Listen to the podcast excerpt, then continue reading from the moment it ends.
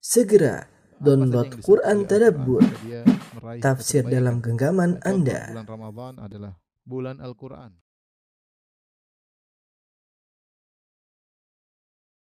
Bismillahirrahmanirrahim. Assalamualaikum warahmatullahi wabarakatuh. Alhamdulillahi ala ihsani wa syukru lahu ala taufiqihi wa amtinani. Asyhadu an la ilaha illallah wahdahu la syarika lahu ta'ziman li sya'ni wa asyhadu anna Muhammadan abduhu wa rasuluhu da'ila ridwani. Allahumma salli alaihi wa ala alihi wa ashabihi wa ikhwani. Eh, para pemirsa yang dirahmati Allah Subhanahu wa taala. eh, Alhamdulillah eh, puji dan syukur kita panjatkan kepada Allah Subhanahu wa taala yang masih memberikan kita kesempatan untuk bisa bertemu kembali dalam rangka untuk menuntut ilmu. Dan sebagaimana yang telah diumumkan, kita akan bahas tentang kisah-kisah para ulama, kisah-kisah para orang soleh yang kita ambilkan dari kitab eh, Siyar A'lam An-Nubala karya Al-Imam Al-Zahabi eh, rahimahullahu taala yang beliau wafat pada tahun 748 Hijriah dan beliau bermadhab Syafi'i. Dan beliau eh, ahli sejarah dan juga ahli hadis ya. Sehingga beliau memiliki eh, banyak buku-buku hadis tentang para perawi tentang rijal ya. Demikian juga beliau menghukum hadis dhaif atau sahih itulah di antara ke- kelebihan Al-Imam Az-Zahabi rahimahullahu taala. Dan kita tahu ketika kita berbicara tentang sejarah ya eh, tentang sejarah para ulama datang riwayat-riwayat ya. Yang riwayat tersebut ada yang benar dan ada yang tidak benar ya. Maka ini di antara kelebihan Imam Zahabi rahimahullah. Beliau menerangkan ya bahwasanya ini benar ini tidak benar perawinya ada bermasalah ya. Sehingga kita ketika membaca sejarah yang beliau tulis eh, lebih lebih nyaman ya. Eh, ikhwan dan akhwat yang dirahmati Allah Subhanahu wa taala, kajian Darmais yang dirahmati oleh Allah Subhanahu wa taala. Eh, perlu kita mempelajari kisah-kisah orang-orang soleh, orang-orang terbaik ya, Eh, dalam rangka untuk memotivasi kita beribadah dan beramal soleh, untuk mengekang jiwa kita yang begitu semangat untuk meraih dunia, ya. Karena kita lihat bagaimana kisah-kisah mereka sangat menakjubkan.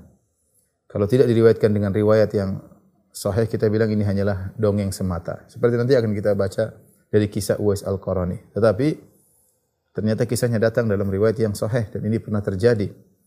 Ini pernah terjadi. Di antara hikmah atau manfaat kita mempelajari kisah-kisah mereka selain tadi kita untuk memotivasi diri kita beramal soleh, yang kedua untuk menghilangkan rasa ujub, rasa bangga dengan amal yang sudah kita lakukan. Seorang terkadang ketika dia baru melakukan amal soleh, dia merasa hebat, dia merasa bangga, dia sudah merasa melakukan sesuatu yang wow untuk agama ini, ya sehingga terkadang dia ditimpa dengan penyakit ujub. Tetapi ketika dia membaca sejarah orang soleh terdahulu, eh, para ulama atau para ahli ibadah, ya, dia sadar bahwasanya dia ini eh, tidak ada apa-apanya, ya. Sehingga amal soleh yang dia lakukan, dia tidak ujub dan dia terpacu untuk terus beramal soleh. Terpacu untuk beramal soleh. Dan ini di antara obat yang paling tepat untuk menghilangkan penyakit ujub adalah seorang membaca kisah mereka. Sehingga dia tahu bahwasanya dirinya tidak ada apa-apanya. Ya. Dirinya tidak ada apa-apanya. Jadi inilah praktek nyata dari eh, apa namanya ajaran-ajaran Islam yang pernah diterapkan, dipraktikkan oleh sebagian orang-orang yang dipilih oleh Allah Subhanahu wa taala. Dan pada kesempatan kali ini yang pertama kali kan kita bahas adalah Uwais seorang tabi'in Uwais uh, Al-Qarani ya. Uh, dan dia adalah uh, seorang tabi'in dan ada yang mengatakan beliau juga adalah Al-Mukhadram. Uh, ada istilah dalam Ahlul Hadis ya, namanya sahabat. Sahabi, siapakah sahabi? Sahabi adalah uh, man ra'a Nabi sallallahu alaihi wasallam itu orang yang melihat Nabi atau man laqiya Nabi sallallahu alaihi wasallam atau orang yang bertemu dengan Nabi sallallahu alaihi wasallam uh, mukminan bihi uh, dalam kondisi beriman kepada Nabi sallallahu alaihi wasallam kemudian juga wa mata mukminan kemudian juga meninggal dalam kondisi beriman. Itulah para sahabat ya. Mereka diberi karunia oleh Allah Subhanahu wa taala untuk melihat langsung Nabi sallallahu alaihi wasallam untuk bertemu langsung dengan Nabi sallallahu alaihi wasallam dan mereka beriman kepada Nabi sallallahu alaihi wasallam ketika bertemu dengan Nabi sallallahu alaihi wasallam Kemudian setelah itu mereka pun meninggal dalam kondisi beriman. Mereka itulah yang dalam istilah disebut dengan para sahabat. Eh, kemudian ada namanya para tabi'in. Para tabi'in adalah orang-orang yang bertemu dengan sahabat ya, dalam kondisi Islam dan juga meninggal dalam kondisi Islam. Para tabi'in. Para tabi'in tidak bertemu dengan Nabi SAW. Mereka bertemu dengan uh, para sahabat. Dan banyak di antara mereka yang lahir setelah uh, Nabi SAW wafat ya. Mereka lahir kemudian mereka bertemu dengan uh, para sahabat ya. Ada namanya kibaru tabi'in yaitu tabi'in yang senior yang dia bertemu para dengan para sahabat-sahabat senior. Ada gharu tabi'in itu tabi'in yang eh, junior yang tidak bertemu kecuali hanya segelintir sahabat. Tapi mereka masih dalam generasi uh, yang mulia. Nanti ada namanya tabi'ut tabi'in. Tabi'ut tabi'in adalah generasi berikutnya yang bertemu dengan tabi'in. Yang bertemu dengan tabi'in. Uwais Al-Qarani masuk ke mana? Uwais Al-Qarani masuk ke tabi'in. Tetapi sebagian ulama mengatakan dia mukhadram. Kenapa? Karena di, ketika Nabi SAW hidup, dia juga sudah masuk Islam. Dia sudah masuk Islam. Ya, jadi dia dia bukan bukan masuk Islam setelah Nabi meninggal, tidak. Ketika Nabi hidup, Sallallahu Alaihi Wasallam, dia sudah masuk Islam. Dia sudah beriman kepada Nabi. Hanya saja dia lokasinya di Yaman. Nabi di Hijaz, di Madinah. Eh, beliau Uwais Al-Qarani di di Yaman dan beliau tidak sempat untuk datang kepada Nabi untuk bertemu dengan Nabi sallallahu alaihi wasallam dan akhirnya dia hanya ketemu dengan sahabat, ketemu di antara ketemu dengan Umar bin Khattab radhiyallahu taala anhu ya. Sehingga disebut dengan uh, mukhadram yaitu dia masuk Islam di zaman Nabi sallallahu alaihi wasallam namun tidak ketemu dengan Nabi sallallahu alaihi wasallam karena ada uzur disebutkan oleh para ulama beliau tidak ketemu Nabi karena beliau sibuk ngurusin ibunya yang mungkin harus diurusin di negeri Yaman ya. Inilah uh, Uwais Al-Qarani kita akan bacakan dari uh, tulisan Al-Imam Al-Zahabi uh, rahimahullahu taala. Berkata Uwais Al-Qarani saya bacakan di jilid 4 ya. Dari Syiar A'lam An-Nubala jilid keempat halaman 19 ya. Uwais Al-Qarani ya. Huwal qudwatu zahidu sayyidu tabi'in fi zamanihi. Beliau adalah uh, pemimpin ya, teladan. Beliau adalah teladan az-zahid, orang yang zuhud Sayyidut tabi'in fi zaman. Dia pemimpin para tabi'in di zamannya. Pemimpin tabi'in di zamannya. Ini perkataan uh, uh, siapa? Uh, yang yang yang detail. Dia mengatakan pemimpin tabi'in tapi di zamannya. Abu Amr Uwais bin Amir bin Jaza bin Malik Al-Qarani Al-Muradi Al-Yamani. Ya, jadi beliau kunyahnya Abu Amr dan beliau dari Al-Qaran dan dari kabilah Al-Murad ya dari negeri Yaman ya kemudian kata Al Imam Zahabi wa qaran batnun min Murad yaitu Qaran adalah satu kabilah kecil yang ber, ber, berinduk kepada kabilah Murad ya. Berinduk kepada kabilah uh, Murad. Tentu Imam Zahabi menyebutkan bahwasanya hikayat-hikayat tentang Uwais sangat banyak ya. Di antaranya uh, cerita tentang Uwais ada yang benar ada yang tidak benar ya. Di antaranya hadis yang sahih yang diriwayatkan oleh Imam Muslim ya. Dan juga uh, diriwayatkan Imam Ahmad dalam musnadnya. Dari seorang bernama Usair bin Jabir. Usair bin Jabir. Saya bacakan hadis-hadis tentang Uwais Al-Qarani. Qala lamma aqbala ahlul Yaman, tatkala penduduk Yaman datang ke kota Madinah, ja'ala Umar radhiyallahu anhu yastaqri'u rifaq fayaqul hal fikum ahadun min qaran ya. ya. maka Umar mengecek ya dan Umar bertanya, Apakah ada di antara kalian seorang yang datang dari suku Koran? Ya. E, kemudian akhirnya ketemulah Umar bin Khattab dengan Uwais ya. Dan Umar pun mengenalnya. Umar berkata, "Mas muka." Jadi Umar sering mencari Uwais. Kalau ada orang datang Umar tanya, "Ada Uwais enggak?" Sampai akhirnya Umar ketemu. Umar bertanya, "Siapa nama Anda?" Qala ana Uwais. Aku adalah Uwais. Qala halaka walidah? Kau punya seorang ibu? Qala na'am. Qala fa hal kana bika min al bayadhi syai'un? Apa kau dulu terna, pernah terkena penyakit baras, penyakit albino? Kulit putih? Qala na'am. Fada'autu Allah fa adhabahu anni ila mawdhi'ad dirham min surrati li adhkura bihi rabbi. Kata Uwais, iya, saya dulu punya penyakit baras, kemudian saya berdoa kepada Allah maka Allah hilangkan aku dariku penyakit baras. Artinya ketika Umar ketemu dia, dia sudah sehat, nggak ada penyakit baras. Gitu penyakit baras sulit untuk disembuhkan. Mungkin ada yang disembuhkan, ada yang sulit, tapi intinya sulit untuk disembuhkan. Sampai zaman sekarang sulit disembuhkan. E, makanya sembuh itu perkara yang menakjubkan, terutama di zaman tersebut. Kata dia, "Fada'autullaha fa'adhabahu anni ila maudhi'ad dirham." Aku pun berdoa kepada Allah sehingga penyakitku tersebut hilang seluruhnya kecuali seukuran dirham, kira-kira segini. Min surrati yaitu di daerah pusarku li'adhkura bihi rabbi agar aku selalu ingat Rabbku dengan melihat sisa penyakitku tersebut. Itu agar dia bersyukur kepada Allah Subhanahu wa taala. Qala lahu Umar, Umar berkata kepada dia, "Istaghfirli, wahai Uwais, doakanlah aku agar dapat ampunan dari Allah." Itu istighfarlah buatku. Qala anta ahaqqu an tastaghfirli, anta sahibu Rasulillah. Kata Uwais, "Ya Umar, Amirul Mukminin, engkau lebih utama untuk mendoakan aku. Engkau lebih utama untuk mohon ampunan buat aku. Anta sahibu Rasulillah, engkau sahabat Rasulullah sallallahu alaihi wasallam." Artinya jelas, ma'ruf. Sahabat Rasulullah SAW lebih afdal daripada tabi'in. Itu jelas. Ya, mereka perlu menjelaskan generasi generasi sahabat, kemudian generasi tabi'in, kemudian tabi'ut tabi'in. Kata Nabi SAW, khairun nasi qarni, thumma ladhina yalunahum, thumma ladhina yalunahum. Sebaik-baik generasi adalah generasiku, kemudian yang e, setelahnya yaitu para tabi'in, pertama sahabat, kemudian tabi'in, kemudian tabi'ut tabi'in. Dan sebenarnya mengatakan bahwasanya sahabat yang bertemu dengan Nabi masuk Islam, kemudian meninggal dalam kondisi Islam, mereka sahabat lebih afdol daripada tabi'in secara person. Artinya seluruh person sahabat mereka diberi keutamaan melihat Nabi SAW. Mereka lebih afdol daripada para tabi'in. Meskipun para sahabat bertingkat-tingkat. Tapi generasi sahabat secara person lebih afdol daripada generasi tabi'in. Sebagaimana para sahabat bertingkat-tingkat, tabi'in juga bertingkat-tingkat. Makanya, ma'ruf bahwasanya generasi sahabat lebih afdal daripada generasi tabi'in. Makanya ketika Umar minta doa dari Uwais, maka Uwais berkata, justru engkau yang mohon ampunan buat aku wahai Umar. Engkau adalah sahabat Rasulullah sallallahu alaihi wasallam. Umar kemudian menjelaskan kenapa saya minta doa dari kamu.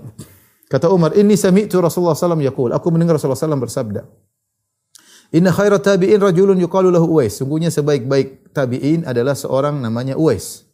Walahu walidatun wa kana bihi bayad dan Uwais ini punya seorang ibu ya, dan dia dulu punya penyakit baras, penyakit albino. Fada Allah fa adhabahu anhu ila mawdhi'ad dirham fi suratihi. Maka dia berdoa kepada Allah, maka Allah hilangkan penyakit tersebut kecuali seukuran dirham di pusarnya. Ya. Akhirnya Uwais pun mohonkan ampun buat uh, buat Umar ya. Uwais pun mohonkan ampun buat buat Umar. Ini salah satu riwayat berkaitan dengan Uwais uh, Al-Qarani ya. Dalam riwayat yang lain yang juga dari Usair bin Jabir, ya. Dia berkata, "Kana Umar bin Khattab idza ata alaihi amdadu ahli Yaman sa'alam afikum Uwais bin Amir." Umar kalau ada amdad maksudnya pasukan tambahan dari negeri Yaman karena di zaman Umar banyak jihad, banyak peperangan sehingga mereka butuh bantuan dari dari negeri-negeri kaum muslimin yang sudah dikuasai oleh kaum muslimin. Di antaranya orang-orang Yaman datang untuk membantu uh, peperangan. Maka setiap ada bantuan dari negeri Yaman, pasukan, maka Umar bertanya, "Afikum Uwais?" Dia mencari-cari memang, "Afikum Uwais? Apakah ada Uwais di antara kalian?" Ya sampai akhirnya dia ketemu dengan Uwais sebagaimana tadi, ya. Bahkan Umar berkata, "Min Murad, summa min Qaran?" Kau dari Murad, kemudian kau dari suku Qaran? Kata dia, "Na'am." Kemudian Umar bertanya lagi, "Kau dulu punya penyakit baras?" Ya. Terus sembuh kecuali seukuran dirham? Dia berkata, "Iya." Dia berkata lagi, "Kau punya ibu?" Kata dia, "Iya." Subhanallah. Sampai dalam sebagian riwayat, Uwais, Uwais, Uwais heran ini kenapa ini? Ada apa ini? Umar kayak detektif aja kok tanya, tanya ada apa dengan saya gitu. Akhirnya Umar jelaskan kenapa dia bertanya-tanya seperti itu karena kabar dari Nabi. Dia mengatakan, "Sami itu Rasulullah SAW yakul," kata Umar bin Khattab radhiyallahu anhu, aku mendengar Rasulullah SAW bersabda, "Ya'ti alaikum Uwais bin Amir ma'am dadil Yaman min Murad thumma min Qaran." Subhanallah.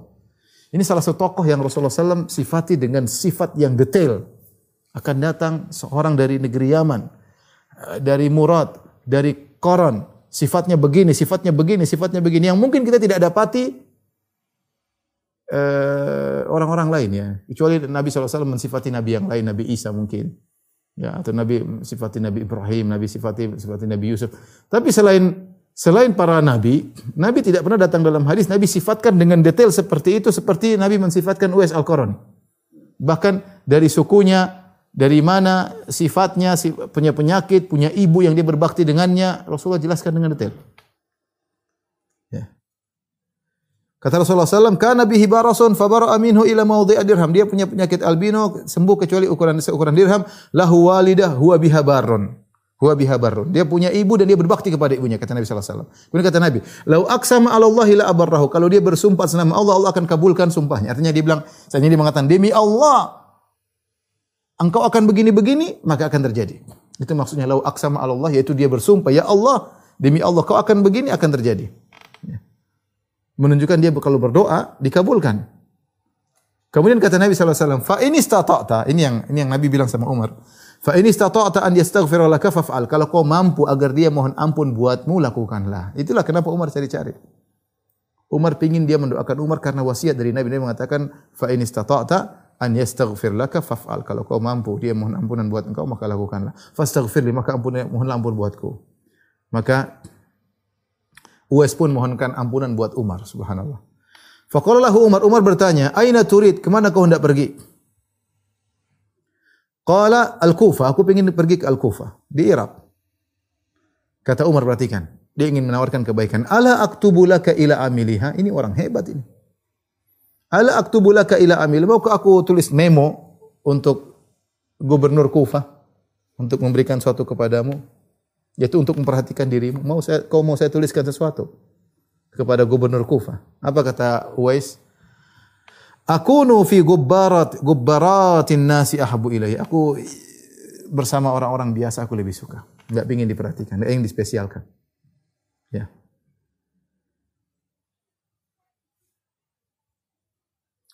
Falamma kana minal amil muqbil akhirnya pergilah dia ke Kufah. Tatkala tahun berikutnya, hajjar rajulun min asrafihim.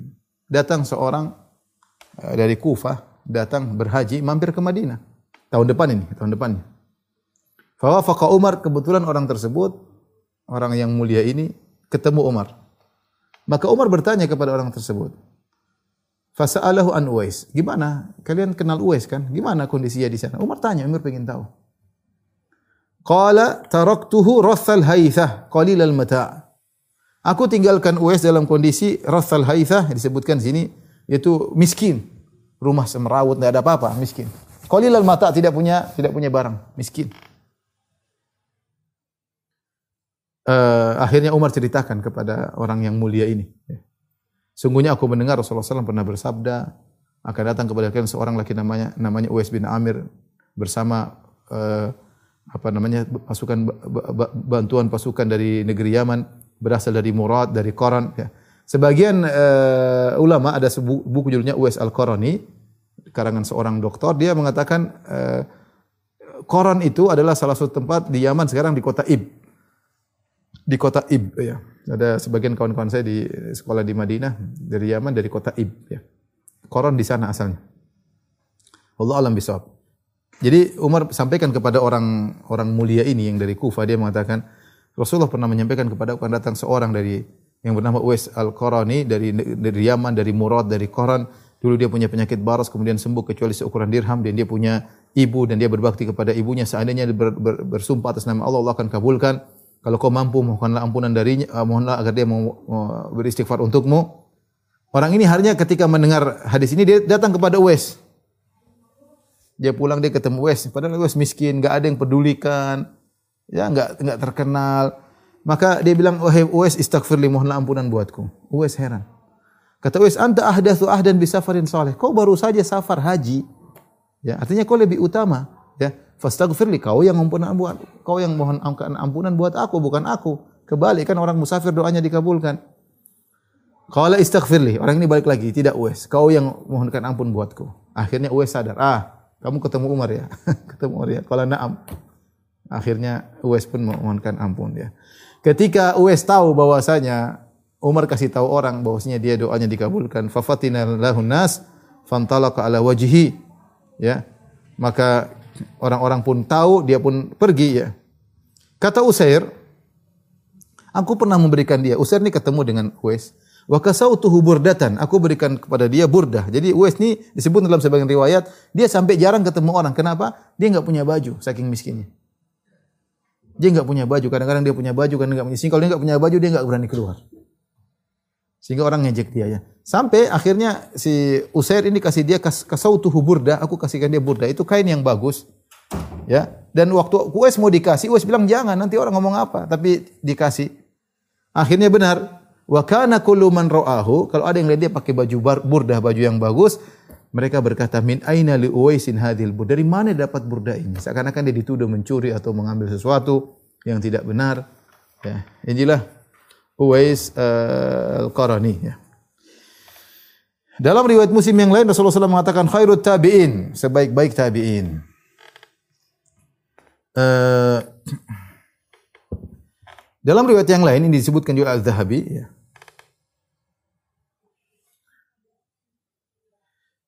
Usair sang perawi bertemu dengan Uwais ya. Dia mencari Uwais akhirnya fastadlaltu alaihi wa ataituhu. Aku pun ditunjukkan di mana tempat Uwais. Fakultu, aku pun berkata kepada Uwais, kenapa enggak muncul Uwais? Mahabasaka an, apa yang buat kau tidak keluar ketemu dengan masyarakat yang lain? Kata dia, al uryu, yaitu aku tidak punya baju.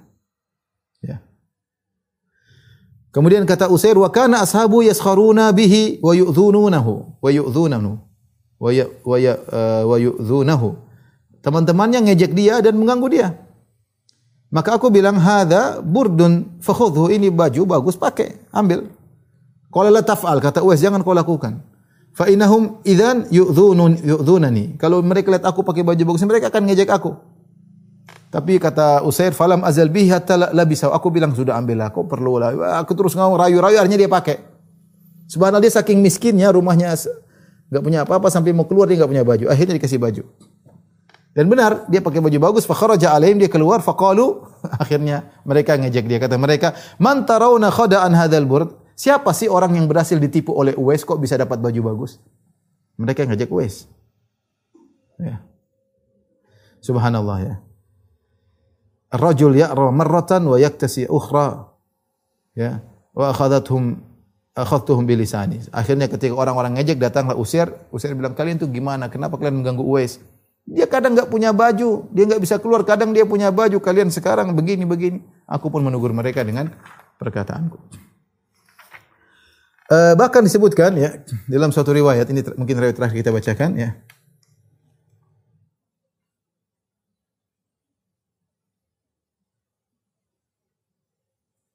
Umar ketika ketemu dengan Ahlul Kufah di antara yang datang ketemu dengan Umar adalah orang suka ngejek Uwais. Ngejek, ngejek Uwais merendahkan Uwais. Umar bertanya, "Tahukah kalian Uwais di Kufah?" Kata orang ini dengan sombongnya, "Ma hadza minna wala na'rif." Ini siapa? Kami enggak kenal. Kata Umar, "Bala innahu rajulun kadza wa kadza." Dia ada orang yang sifatnya begini-begini. Ya, seakan orang seakan orang tersebut merendahkan Uwais. Ya.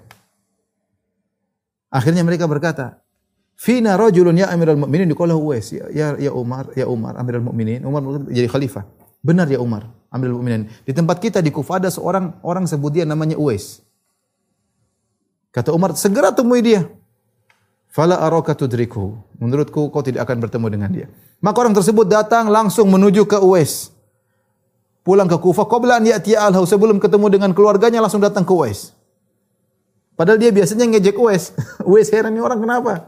Baru pulang tidak tidak mampir ke rumahnya langsung ke rumah Uwais, rumah yang semrawut yang tidak punya apa-apa.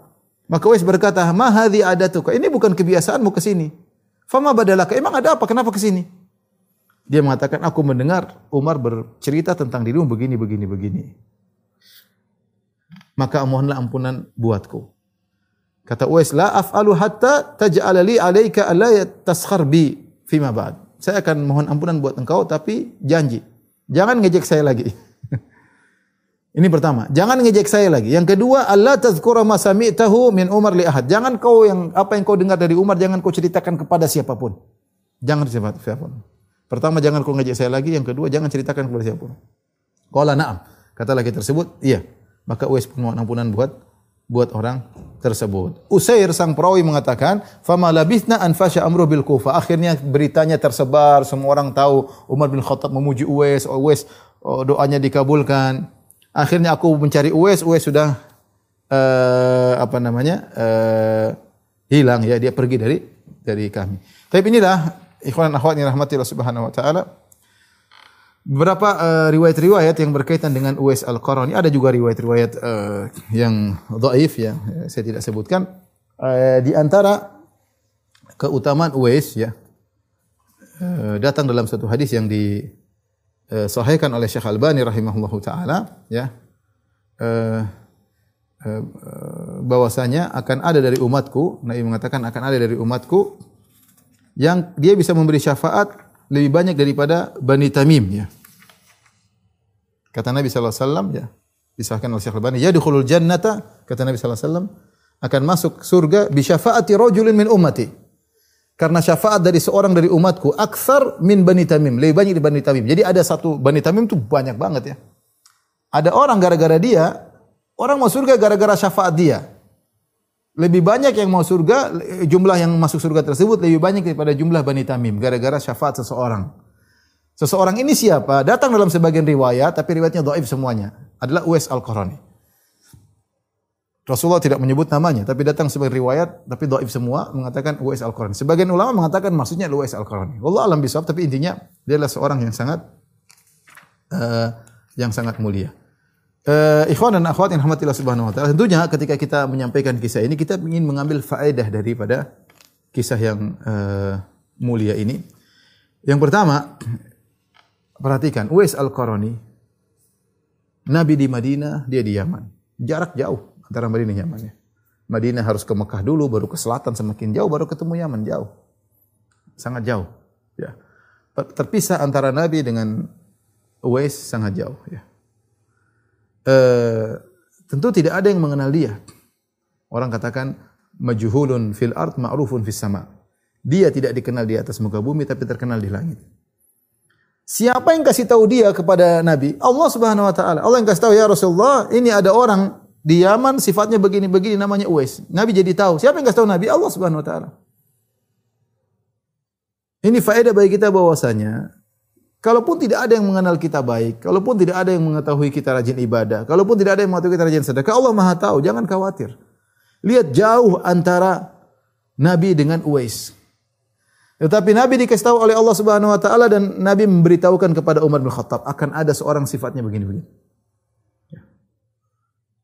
Jadi eh, dalam hidup ini jangan terlalu pingin dikenal, jangan terlalu pingin di, diketahui. Dan dalam Al-Quran banyak sekali Allah mengatakan dalam Al-Quran misalnya, wajah rajulun min aqsal madinati yas'a.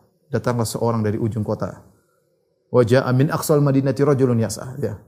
Dalam surat uh, Yasin, wajah min aqsal madinati rajulun yas'a. Dalam surat Al-Qasas, wajah rajulun min aqsal madinati yas'a.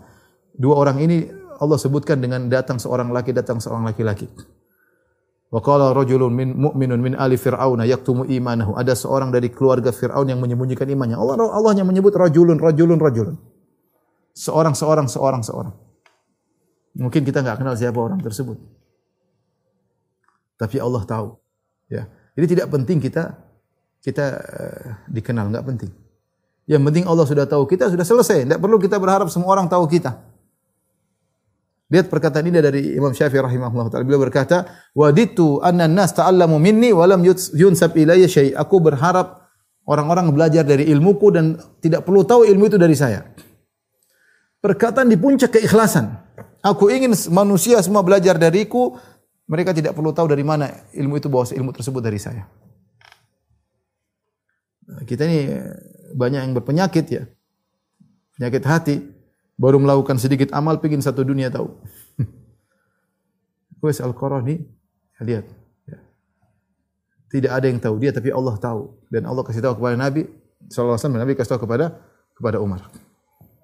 Sampai-sampai tadi saya katakan Rasulullah sallallahu alaihi wasallam ketika mensifati Uwais dengan sifat yang detail dan ini tidak pernah Rasulullah lakukan sebelumnya kepada selain para nabi ya.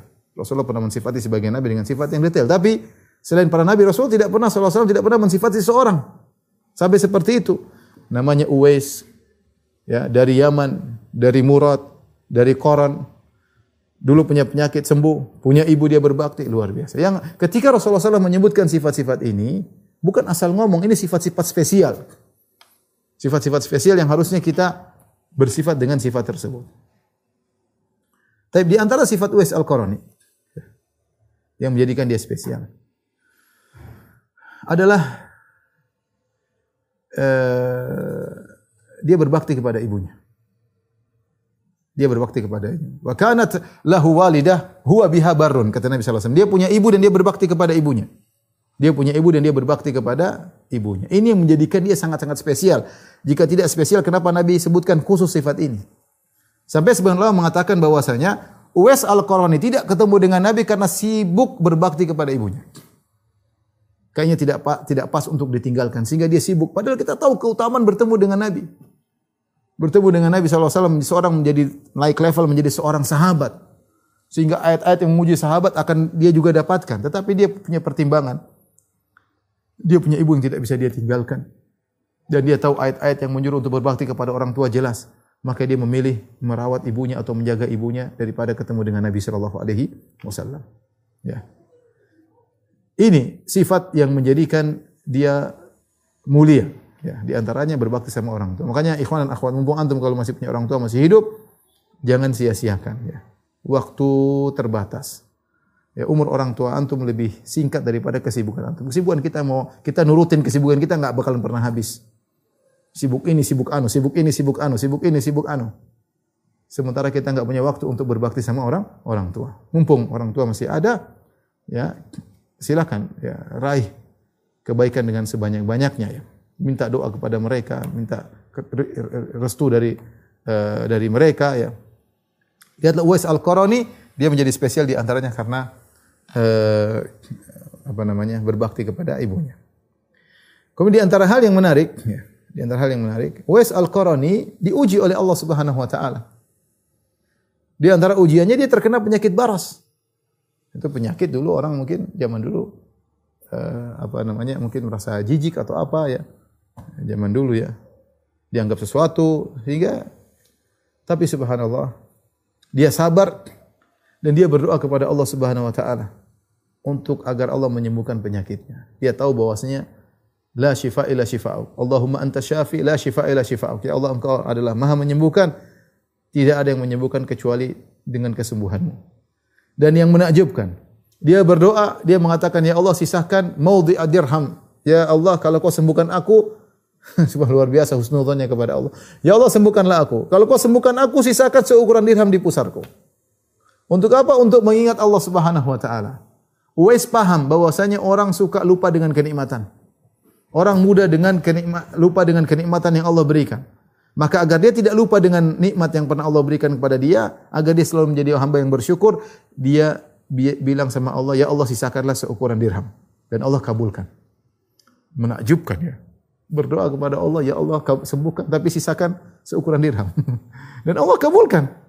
Ini menunjukkan dia mujabud dakwah, dia adalah seorang yang dikabulkan doanya. Kita kenal sebagian sahabat mudah dikabulkan doanya seperti Sa'ad bin Abi Waqqas. Mujabud dakwah kalau berdoa mudah dikabulkan. Ternyata di kalangan tabi'in juga ada Uwais Al-Qarani. Dia berdoa, buktinya dia berdoa, Allah kabulkan. Bahkan dalam doanya dia bilang, sisakan sekian, Allah kabulkan. Karena begitu kuat doanya dikabulkan, sampai Nabi suruh Umar, kalau kau ketemu dengan dia, Minta dia doakan kamu. Agar apa? Agar Allah mengampunimu. Menunjukkan Uwais doanya di, dikabulkan. Nabi mengatakan, Lau aksama ala Allahi la abarrahu. Uwais ini kalau bersumpah dengan nama Allah, Allah akan kabulkan permohonannya. Ajib ya, Uwais Al-Quran. Akhirnya Allah sembuhkan dan masih sisa dirham buat apa? Agar dia selalu ingat kepada Allah. Ya, ini memberi peringatan kepada kita. Kita ini sering lupa dengan nikmat-nikmat yang Allah berikan kepada kita. Itulah makanya Allah berfirman, Innal insana li rabbihi lakanud. Sungguhnya manusia itu kanud, berkeluh kesah kepada Rabbnya. Kata Hasan al-Basri rahimahullah ta'ala, Yadhkuru al-masaib wa yansa ni'am. Di antara sifat manusia, suka ingat-ingat musibah, lupa dengan kenikmatan. Dia sudah dapat nikmat 10 tahun, 20 tahun, 30 tahun, dia dapat musibah mungkin setahun dia sudah lupa semua dengan kenikmatan. Dia mengatakan, "Ya Allah, kenapa ya Allah?" Mengeluh, mengeluh. Dia lupa bosnya nikmat sudah lama dia rasakan. Itu sifat manusia, lupa dengan uh, apa namanya? kenikmatan. Makanya menakjubkan ayat ini disebut kalau sebagian ulama datang dalam surat Al-Adiyat. Al-Adiyat tentang kuda, kuda perang. Wal adiyati dhabaha fal muriyati qadaha fal mughirati subha fa atharna bihi waqa'a. Fawasat Nabi jam'a innal insani rabbih lakanud. Allah berfirman demi kuda-kuda perang ya. Di, uh, uh, yang berlari dengan terengah-engah. Uh, kemudian yang tapalnya menghantam uh, batu sehingga keluar apa percikan-percikan. Kemudian masuk ke dalam tengah pertempuran, kemudian dia membuat debu bertaburan. Ya. Kuda. Dikasih kebaikan sedikit tapi luar biasa membela sang pemilik. Cuma dikasih makan, disayang-sayang, tapi lihat dia masuk dalam medan pertempuran. Diatur oleh sang pemilik kuda. Kemudian Allah berkata, Innal insani rabbi lakanut. Manusia enggak seperti kuda. Manusia suka berkeluh kesah. Kuda enggak pernah ngomel. Disuruh ke sana, disuruh ke sini, penting kasih makan, kasih rumput selesai. Dia tahu berterima kasih kepada kepada tuannya. Bahkan untuk berperang, untuk masuk di medan pertempuran, dia juga bisa terancam mati.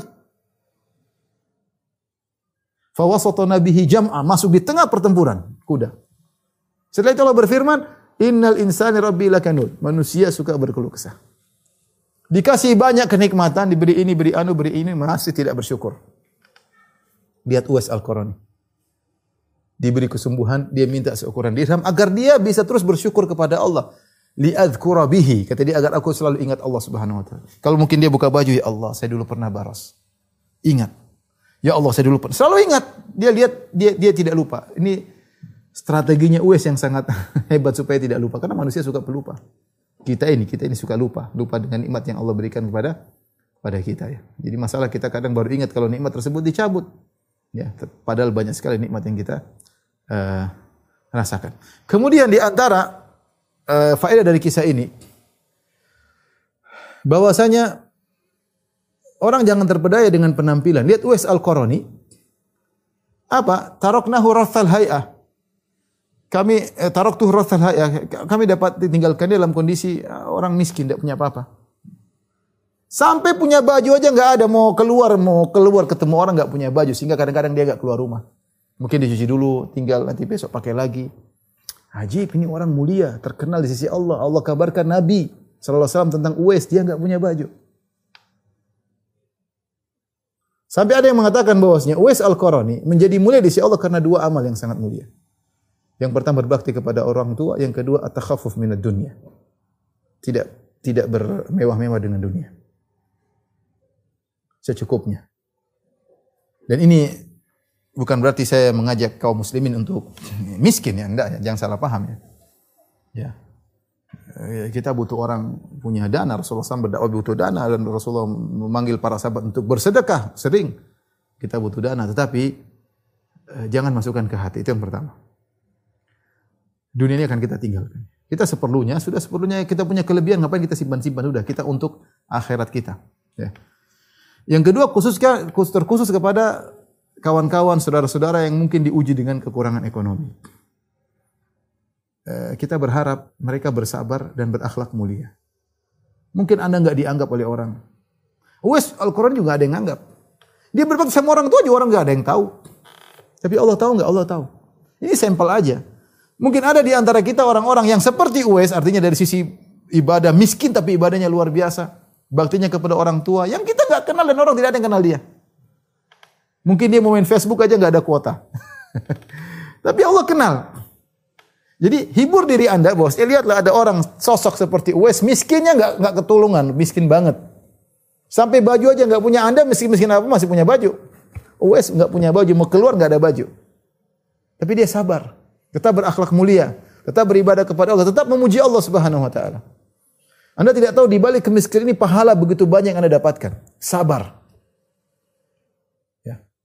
Ya kita kalau disuruh milih kita nggak pingin diuji dengan kesulitan, tapi ya pilihan bukan di tangan kita. Nah kalau anda kebetulan diuji seperti dalam kesulitan ekonomi seperti US maka lihatlah US. Ingat ada orang miskin, super miskin seperti US terkenal di langit. Doanya dikabulkan. Luar biasa ya. Jadi, ikhwan, ya ini kita ini eh, nasihat buat saya pribadi, buat kawan-kawan yang mungkin ada di antara kita Allah bukakan dunia, waspada ya, waspada. Jangan sampai dunia ini membuat kita berat nanti di akhirat. Buat kita sulit masuk surga. Buat kita bermasalah dengan banyak orang, waspada. Anda kalau diberikan dunia segera, jangan lupa. Silakan Anda uh, manfaatkan tapi Jangan lupa disumbangkan untuk jalan Allah, untuk bangun masjid, bantu dakwah, ya terutama bantu penuntut ilmu ya. E, lakukan yang bisa Anda lakukan. Mumpung masih punya e, punya harta. Kemudian di antara sifat Uwais Al-Qarani dia tidak ingin terkenal. Keikhlasannya luar biasa. Makanya ketika ketahuan dia hilang. ketika ketahuan dia dia kabur, tidak ingin di, dikenal.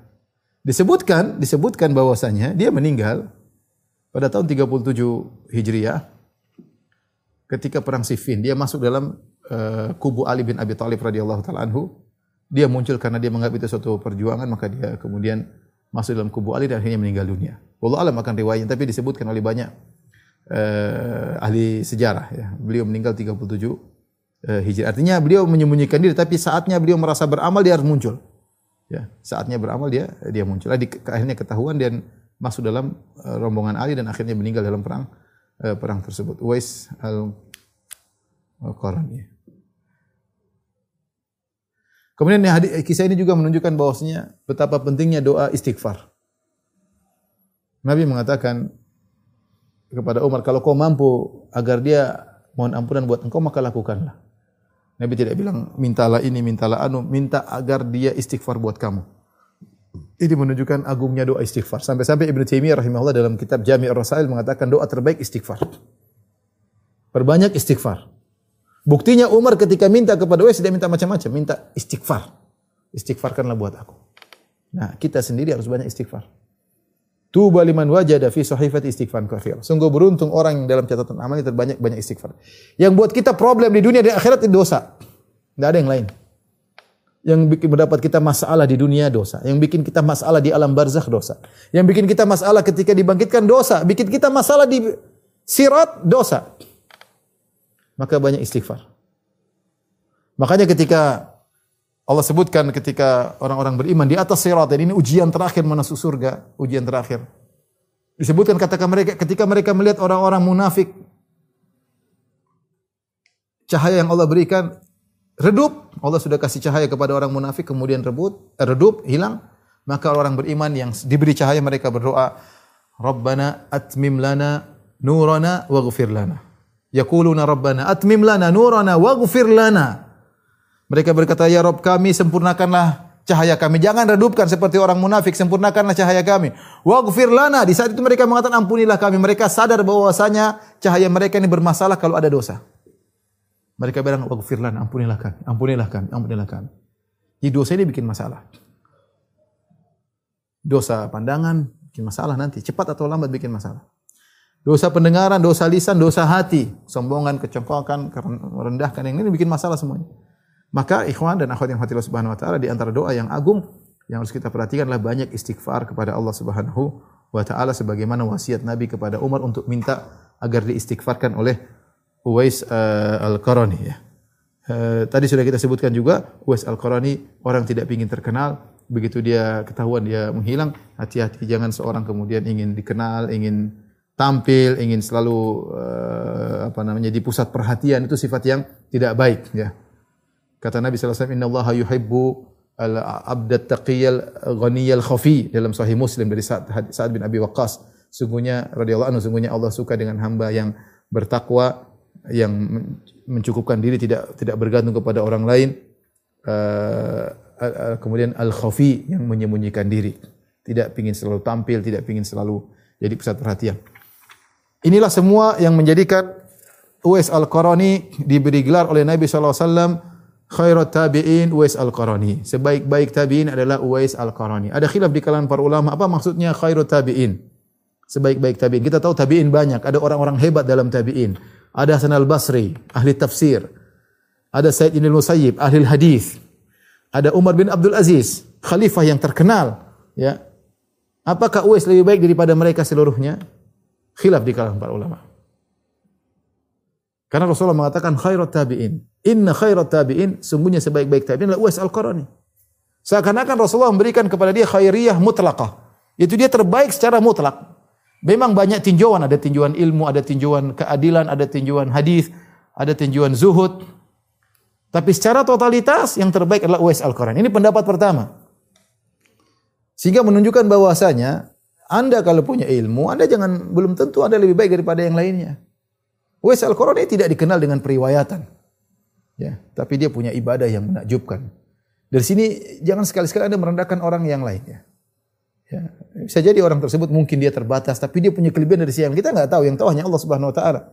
Kita terkadang bisa menilai zahir, kita nggak tahu batin seseorang. Padahal para ulama sepakat amalan batin lebih afdal daripada amalan zahir. Kita pun kalau bisa menilai cuma zahir doang, hati kita nggak tahu. Ya. Kita hati kita nggak tahu. Maka kalau kita tidak bisa menilai hati orang, sudah kita ya sudah, belum tentu kita lebih baik daripada dia.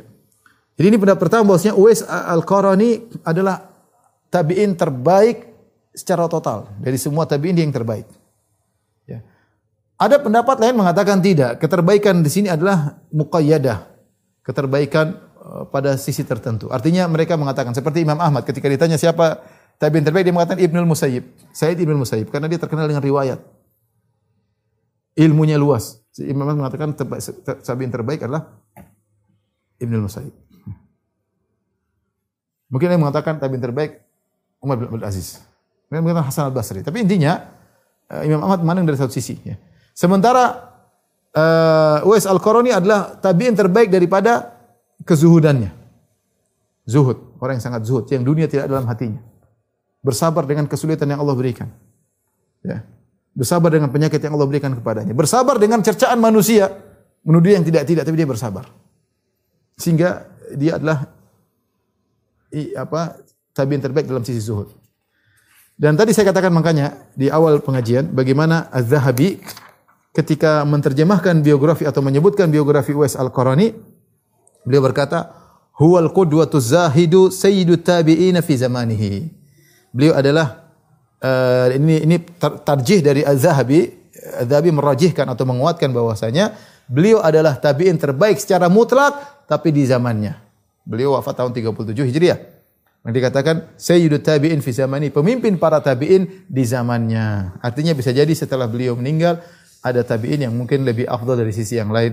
Intinya Allah alam bisawab, inilah orang soleh uh, Uwais Al-Qarani ya, yang sejarahnya memberikan kita banyak peringatan, pelajaran ya, yang hendaknya kita berusaha meniru eh, sifat-sifat uh, yang Rasulullah sebutkan tentang Uwais Al-Qarani. Allah alam bisawab demikian saja apa yang saya sampaikan. Mudah-mudahan bermanfaat. Kurang lebih mohon maaf. Wabillahi taufiq assalamualaikum warahmatullahi wabarakatuh